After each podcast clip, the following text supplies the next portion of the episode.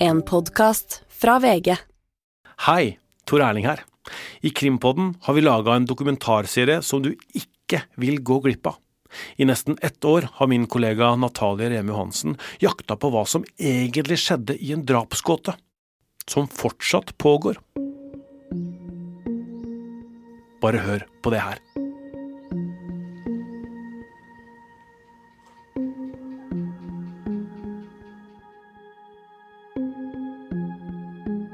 En bonde går i jungelen og sanker ved i Laos, sørøst i Asia.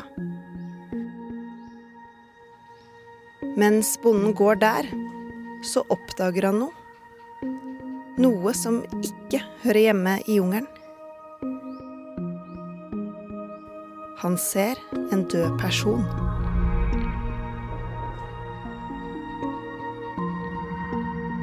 Ved den døde personen ligger det en kopi av et pass. Og der står det Nerid Ella Høynes. Norsk.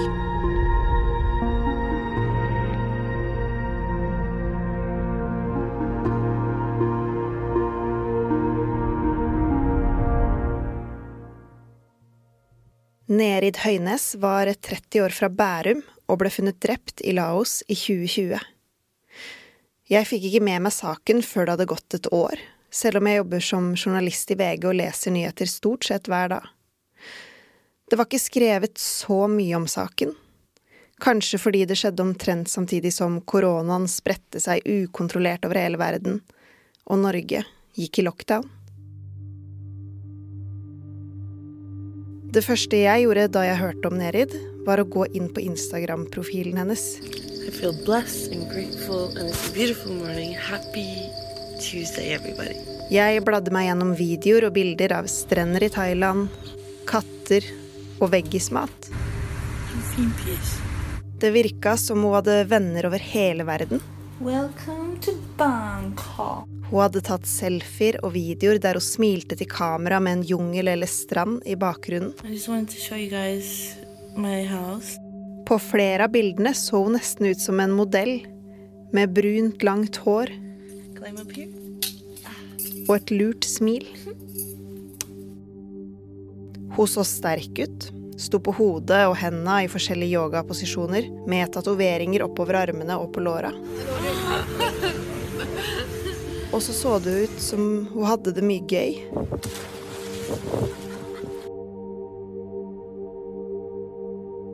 Dette var en sak jeg ikke klarte å la være å tenke på. Nerid og jeg var ca. like gamle, hadde noen felles venner og begge likte yoga. Og så hadde hun plutselig blitt drept. Hva skjedde egentlig med Nerid Høynes?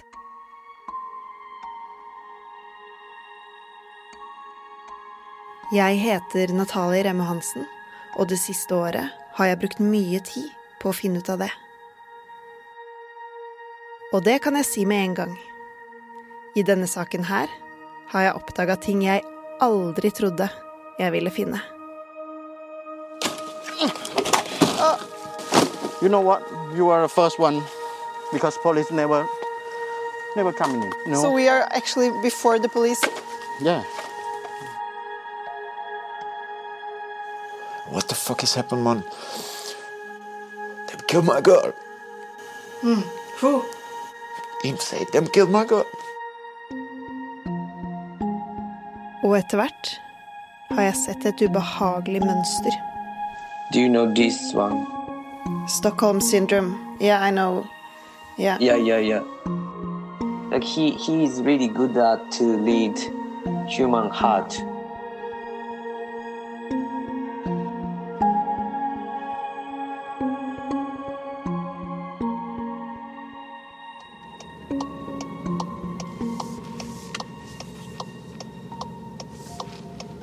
Se på dette, da.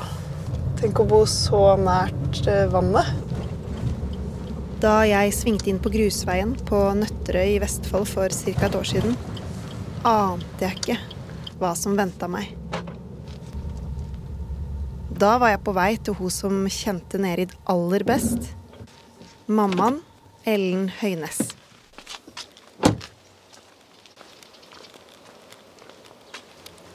Hei, du. Skal jeg gå inn i porten? Da må ikke du løpe ut. Å, så fin. Ellen bor med hundene Vicky og Janka i et hvitt hus som eh, pleide å være en sommerhytte. Rett ved fjorden.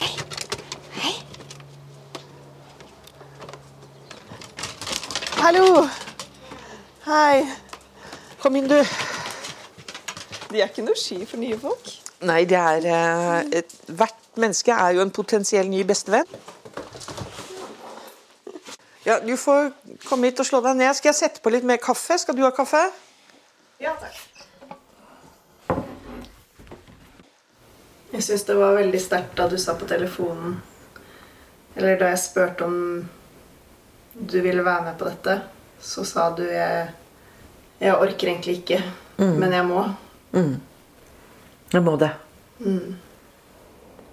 Det skal være for å som sier, gi Nerid den stemme og få advart andre. Det er det vi skal. For han må sperres inne. Ellen hadde lenge vært sikker på hvem som hadde drept dattera. Han var på frifot ute blant folk, og Ellen var redd for at han var farlig for flere. Hvis jeg kan forhindre at én mamma til skal måtte gå gjennom det jeg går gjennom, så er det verdt det. For dette unner jeg ingen. Da jeg møtte Ellen denne første gangen, så ville hun ikke bare få tatt han hun mente var drapsmannen. Hun lurte også på hva som egentlig hadde skjedd med Nerid. For Ellen fortalte meg at Nerid hadde forandra seg veldig på bare få måneder, rett før hun døde, og at de til slutt hadde mista kontakten helt. Før visste Ellen nesten alltid hva Nerid dreiv med. Vi snakket sammen hele tiden. Ikke daglig, men flere ganger i uken. Hva skravla dere om, da? Alt. Livet. Det nære forholdet handla kanskje om at Nerid var enebarn, eller at det hadde vært mye bare de to opp gjennom åra. Nerid hadde bare kontakt med faren sin innimellom, og da Nerid var blitt voksen, fortsatte hun å være mye sammen med mammaen. Var hun åpen om sånn kjæresterelasjoner? Ja da. Av og til så måtte jeg stoppe henne og si 'too much information'. Husk på at jeg er moren din. Ja, men mamma, du er jo min beste venn. Ja, sier jeg takk. Det er veldig hyggelig, og i like måte. Men jeg er tross alt moren din, så dette er too much information.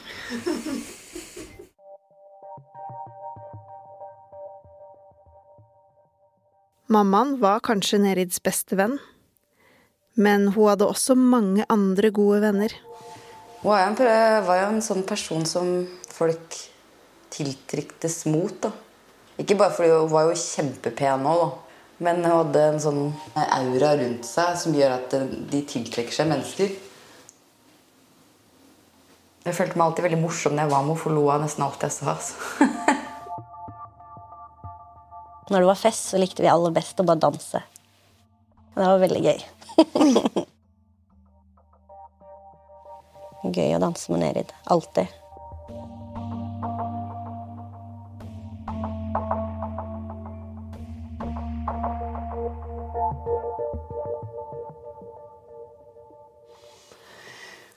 Altså, Nerid var sånn Hun begynte og sluttet på diverse studier. Hun fant liksom ikke helt plassen sin i verden. Ante ikke hva hun ville, hvor hun ville. Jeg tror Gjennom yogaen så, så fant hun det. Hun falt på en måte på plass i seg selv, hvis du skjønner. I 2019 hadde Nerid bestemt seg for å gjøre hobbyen sin til jobben sin, og bli yogalærer. Og hun hadde funnet den perfekte utdanninga på øya Kopanyang i Thailand, der mange drar for å praktisere yoga, eller drar på de fullmånefestene på stranda. Nerid hun pakka to sekker, tok en på magen og en på ryggen, og dro av gårde.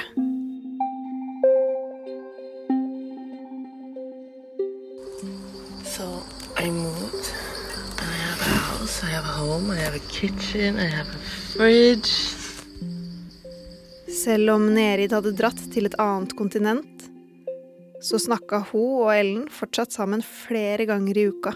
And I wasn't really aware of this, but I think I might have a sea view. Nerid la ut videoer og viste frem hvordan hun hadde det, og fikk nye venner i yogamiljøet.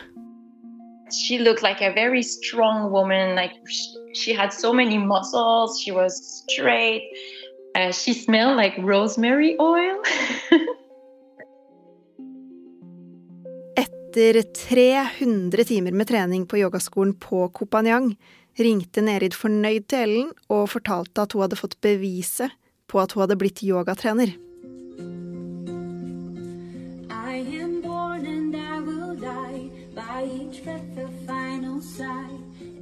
Og i en video fra avslutningskvelden kan man se at Nerid og en annen yogastudent dansa med bølgende bevegelser, barbeinte med armene høyt over hodet og håret løst. Nerid var brun og litt svett.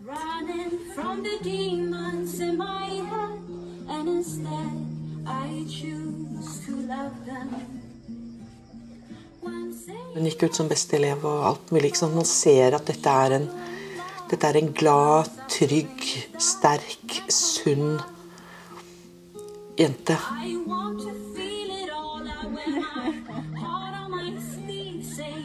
Nerid hadde fått jobb som hjelpelærer på yogaskolen på øya Kopanjang.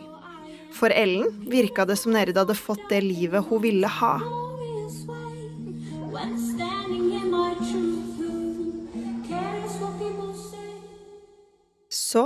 I begynnelsen av oktober 2019, før koronaen kom, snakka Nerid med mammaen. Nerid hadde en stor nyhet å fortelle. Og så ringte hun veldig fornøyd og sa Å, jeg skal gifte meg, og du skal bli mormor. Uh, sa jeg. Uh, hva? Er du gravid? Nei, men hun hadde tenkt å bli det. Og hun hadde tenkt å gifte seg med Hiro. Hiro var navnet på den nye kjæresten til Nerid. Hun fortalte at han var fra Japan og bodde på øya Kopanyang, der han jobba med å mekke motorsykler. Han var eh, 38 år, så åtte år eldre, og nå ville Nerid være med ham resten av livet, sa hun. Nei, nei, nei, sier jeg, nå må du roe deg. Dere har kjent hverandre i to og en halv uke. Og da ble hun kjempefornærmet og sa det er tre og en halv uke, tenk. Så jeg, men Nerid, altså. Så det vakte ikke noe stor jubel hos mor, da. Ellen fikk se bilder av den nye japanske kjæresten Hiro. Han hadde tatoveringer på overkroppen, kort hår på sidene og langt på toppen. På de bildene vi har sett av han, det, det er ikke en type jeg hadde falt for, for å si det sånn. Onkelen til Nerid, Per Reidar Høines, fikk også høre om den nye kjæresten. Jeg skal være ærlig og si at, eh, at jeg ble faktisk litt glad når jeg hørte at hun hadde truffet en fyr som hun var kjempeforelsket i. Eh, Jeg tenker det er sånn Det er lov å være litt naiv når man er liksom akkurat der. Det kan, det kan nesten, sånn som jeg kjenner Nerid, så kan det nesten ha vært sånn at hun Dette bestemmer jeg selv, og det er det som er det viktige. Og onkelen Per Eidar, han kjente Nerid godt, for han hadde bodd i etasjen over Nerid og Ellen da Nerid vokste opp. Noe som også hadde vært praktisk, for eh, Ellen var alenemor og hektisk opptatt med fulltidsjobb i Utenriksdepartementet. Og Per Eidar hadde et like hektisk liv som lege. Og sånn hjalp de hverandre med hverdagslige ting, som å være barnevakt. Jeg, sånn som jeg husker Nerid fra hun var liten Altså helt fra hun var liksom to år gammel og liksom begynte å få personlighet, så var hun på en måte um, en som hadde klare meninger om ting. Hun var bestemt, på en måte. I ukene etter at Nerid hadde fått seg kjæreste, så ble ting veldig annerledes. Og nå begynner det som Ellen senere skal sitte igjen og ikke forstå noen ting av. Ehm, kontakten ble mer sporadisk og rarere og rarere. Jeg husker jeg spurte henne om, om eh, hva, hvorfor, du ikke, hvorfor tar du ikke kontakt. Hvorfor er du ikke på sosiale medier? Hvorfor, hvorfor ditt og hvorfor datt? Nei, fordi han hadde Det var feil å være så mye på sosiale medier og Så alt endret seg. En måned etter at Nerid var blitt sammen med Hiro, så så også meldingene hun sendte, plutselig veldig annerledes ut. Hun hadde jo med seg både norsk iPhone og, og Mac. Hun hadde fått min uh, gamle Mac. Og så plutselig så kan hun bare skrive tilbake med engelsk tastatur. Hva har skjedd med Mac-en og iPhonen? Ja, nei, var stjålet. Jeg skjønte, og da skjønte jeg hun løy. Det var ikke stjålet. Altså, jeg? Man kjenner jo barnet sitt.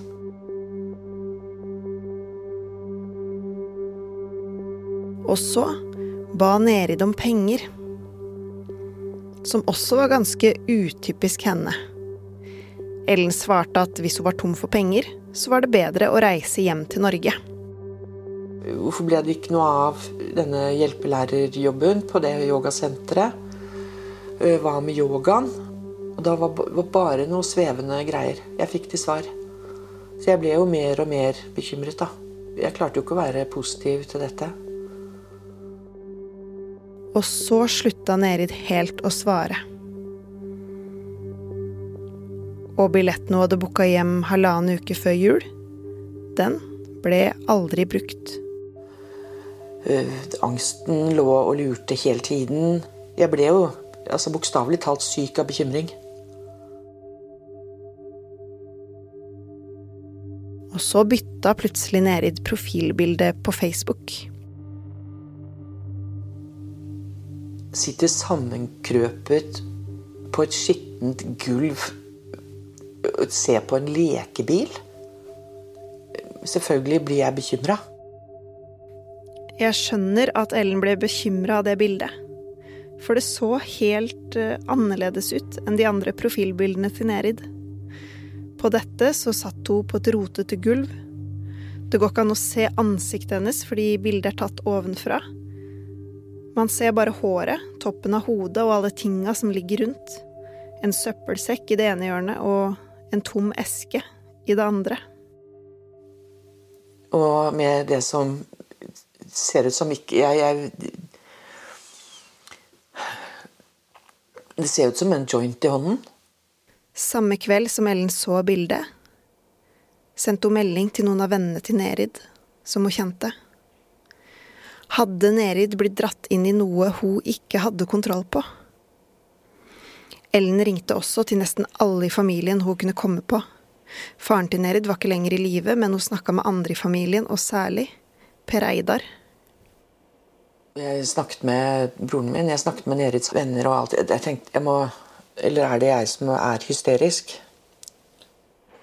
Jeg har jo øh, opp gjennom årene hatt veldig mange vakter i UD. Og snakket med bekymrete mødre. Og, og fedre, selvfølgelig. Og så plutselig var jeg en av dem.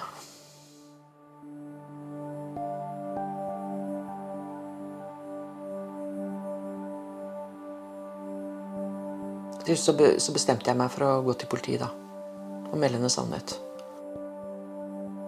Tidlig en morgen, noen dager før julaften i 2019, sto Ellen klar utafor politihuset i Tønsberg sentrum. Så fort dørene åpna, gikk hun inn og fortalte at hun ikke klarte å få tak i dattera. Hun visste ikke hva, men noe hadde skjedd.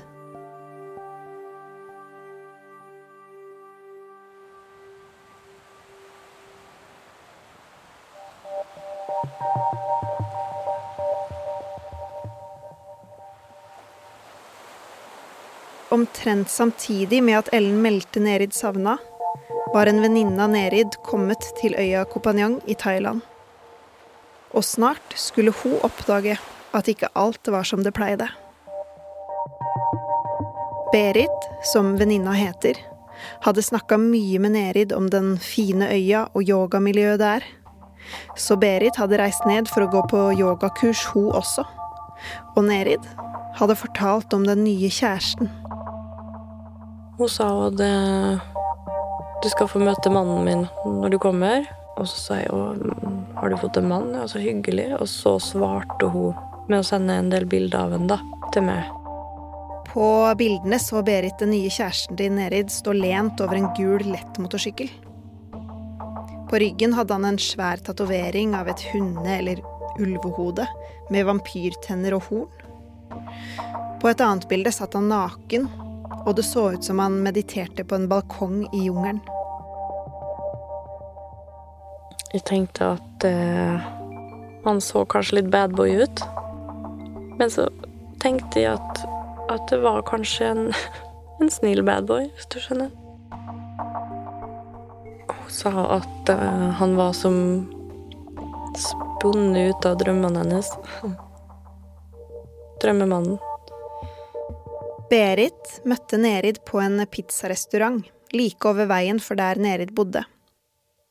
Og det var så fantastisk å se der plutselig.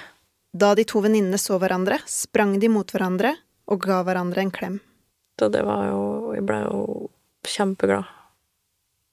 Ekstatisk over å se at nå var vi endelig der sammen, liksom. Berit hadde tatt med rugbrød til Nerid fra Norge. Og da de skulle dra videre, så satte Nerid seg bakpå scooteren til Berit, så de kunne kjøre innom bungalowen der Nerid og Hiro bodde, for å legge fra seg brødet.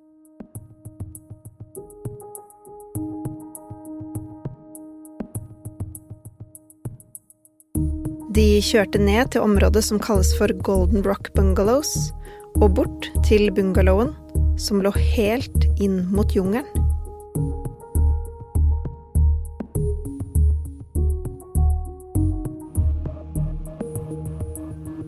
Den forbindelse så sa hun at Hiro lå og sov. Og jeg syntes det var litt rart at han sov, for det var liksom midt på dagen og litt sånn pussig tidspunkt å sove inne på når sola sto på. Så jeg syntes det var bare litt rart, men ok. Berit venta utafor mens Nerid gikk inn i bungalowen. Men så hørte jo Begynte å prate der inne med Hiro, da. Jeg hørte jo ikke hva de snakka om, men de prata egentlig ganske god stund. Vi ble sittende og vente fem-ti minutter. Berit tenkte at Nerid kanskje kom til å ta med seg kjæresten ut og presentere ham, men Nerid kom ut av bungalowen alene. Så vi fikk aldri liksom hilst på han, da. Istedenfor så kjørte de til en restaurant ved stranda. De satte seg ned på hver sin stol, kjøpte seg en brus og en øl i varmen, og så utover havet.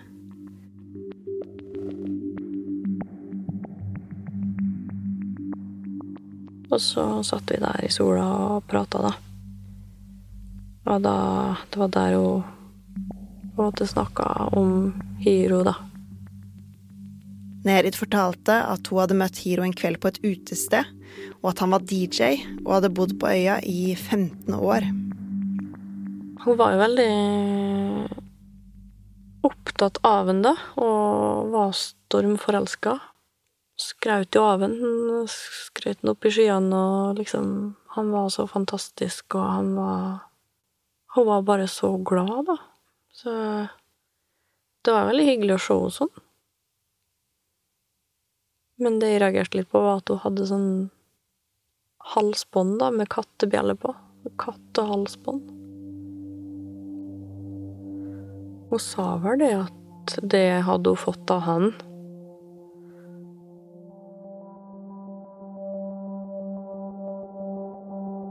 Det halsbåndet var kanskje noe internt mellom Nerid og Hiro, tenkte Berit.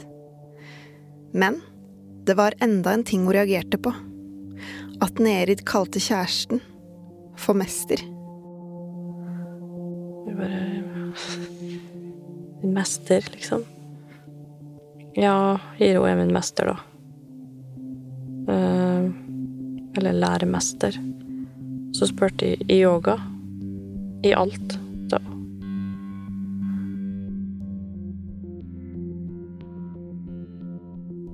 Det viktigste for meg var at hun var glad og lykkelig, da. Og sp- jeg spurte henne jo flere ganger, og det, det gjør jeg alltid med venner som har fått seg nye kjærester, og sånn, så spør jeg liksom ja, men er han snill, er hun snill, er det en bra person, liksom? Eh, og det forsikra hun meg om at han var, da. Berit trodde på Nerid, og da de satt på stranda sammen, visste ikke Berit at moren til Nerid var desperat etter å komme i kontakt med dattera.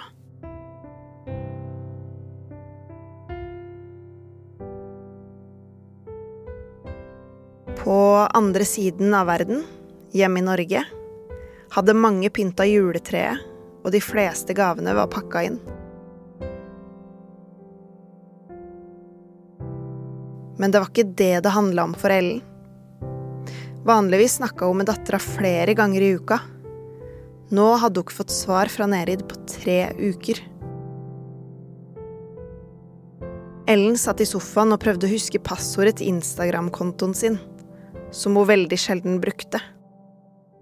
Jeg fikk jo ikke, ikke sant, sove mer. Eh, det, det glapp jo helt for meg.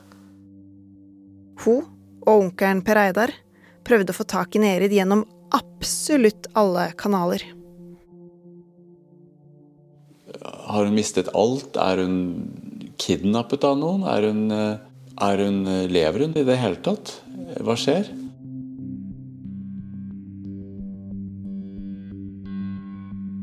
Å melde henne savna til politiet førte ikke til noe. Så onkelen hadde bestemt seg for å reise ned til øya for å finne Nerid. Skal vi få rede på hva som har skjedd, så må vi dra dit. Ellen kan ikke dra, hun er ikke klar for det. Onkelen Per Eidar satte seg ved PC-en og fant fram til et fly som gikk allerede rett etter julaften. Og trykka kjøp. I det øyeblikket jeg skal til å trykke på Jeg skal til å bekrefte og punche inn eh, koden, så kommer det en tekstmelding fra Nerid.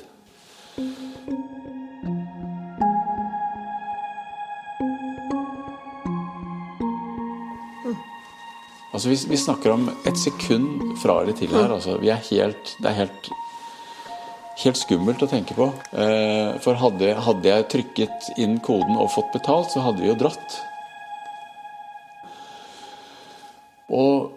Så sier hun eh, et eller annet 'Hei, jeg ser du har prøvd å få tak i meg. eh, eh, her er alt fint. Hvordan går det med dere?' Akkurat som ingenting hadde skjedd.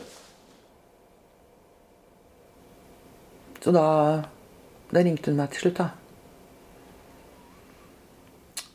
Og da var jeg så lettet over å høre stemmen hennes at jeg bare gråt i telefonen. Um, så hun lovte hun skulle skjerpe seg.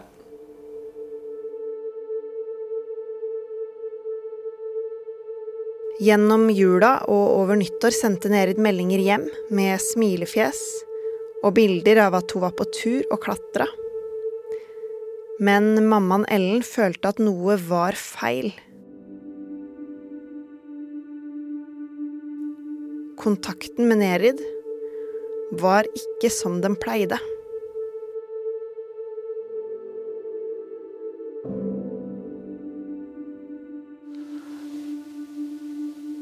Så den eh, 24. januar så våkner jeg på morgenen av at telefonen ringer. Telefonen ligger alltid i stua om natten, og jeg lå jo der inne også, så jeg rakk den jo ikke. Og og det var et ukjent nummer, da. Så jeg gikk inn på Gule sider og sjekket hvem som eide det nummeret. Og det var sognepresten i Tønsberg. Og da visste jeg jo hva det var.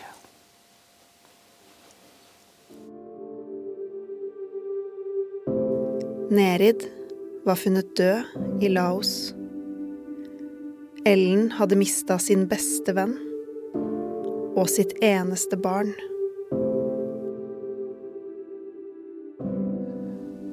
Jeg er mammaen til Nerid. Det var hun som lærte meg å være mamma. Og gjorde meg til mamma. Og det Og det er jeg. Det er det jeg er. Mammaen til Nerid.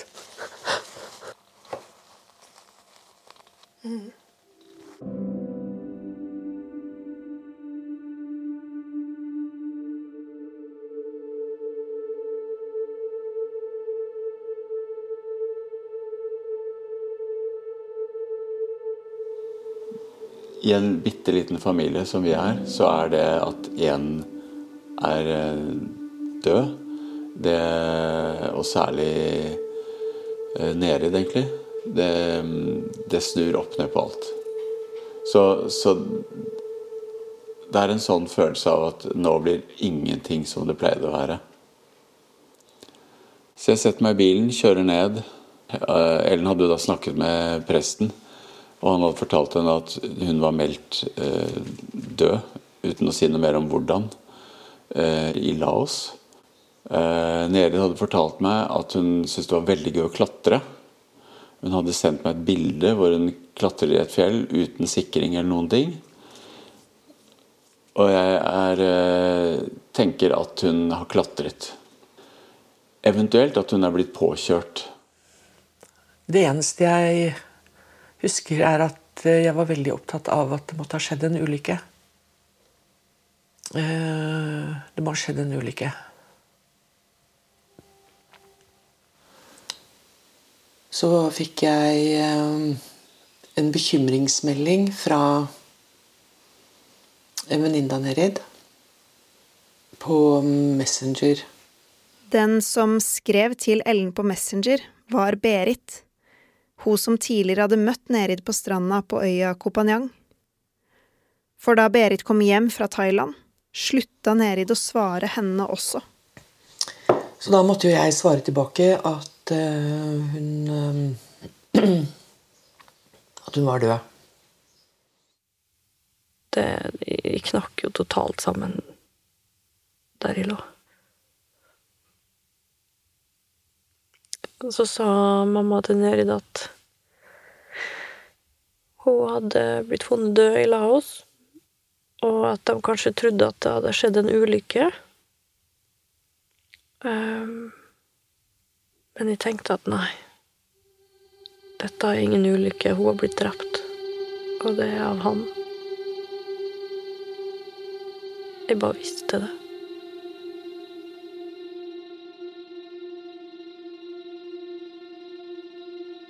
Mens Ellen fortsatt satt og stirra på skjermen etter å ha skrevet til Berit på Messenger, så skjedde det noe merkelig. Så popper da Nerid opp med grønn prikk. Og da tenker jeg at nå har det rabla for meg. Nå tørner jeg. Så hun var, var plutselig aktiv? Aktiv, aktiv på Messenger. eh, mens jeg kommuniserer med venninna henne om at hun er død.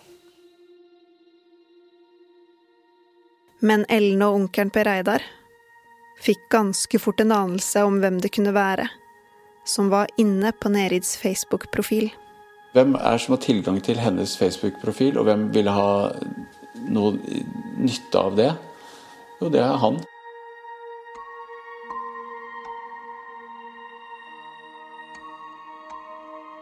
Jeg har prøvd å komme i kontakt med Hiro på ulike måter i flere måneder uten å lykkes. Men det jeg har funnet ut, er at Hiro har ment at han er uskyldig. At han ikke hadde noe med drapet på Nerid å gjøre. Rett etter drapet i 2020 så fortalte Hiro sin versjon av hva som skjedde den dagen Nerid døde, til en kompis. And him cry to me in mobile, Uwe, I don't kill my girlfriend. Him cried it to me like a baby.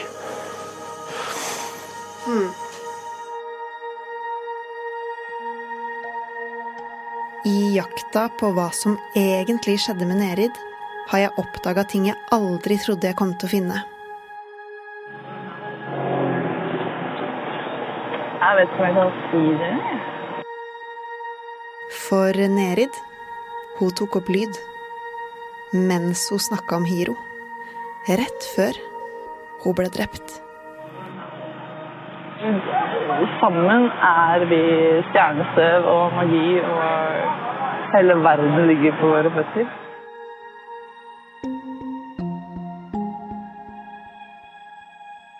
Nå har du hørt den første av fem episoder om hva som skjedde med Nerid. Resten av serien finner du i Podme-appen eller på VG+. Podkasten er laga av Ida Tune Øretsland og meg, Natalie Reme Hansen.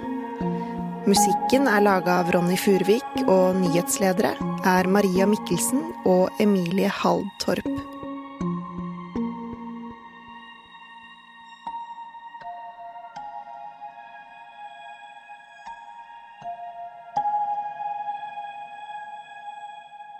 Du har hørt en podkast fra VG.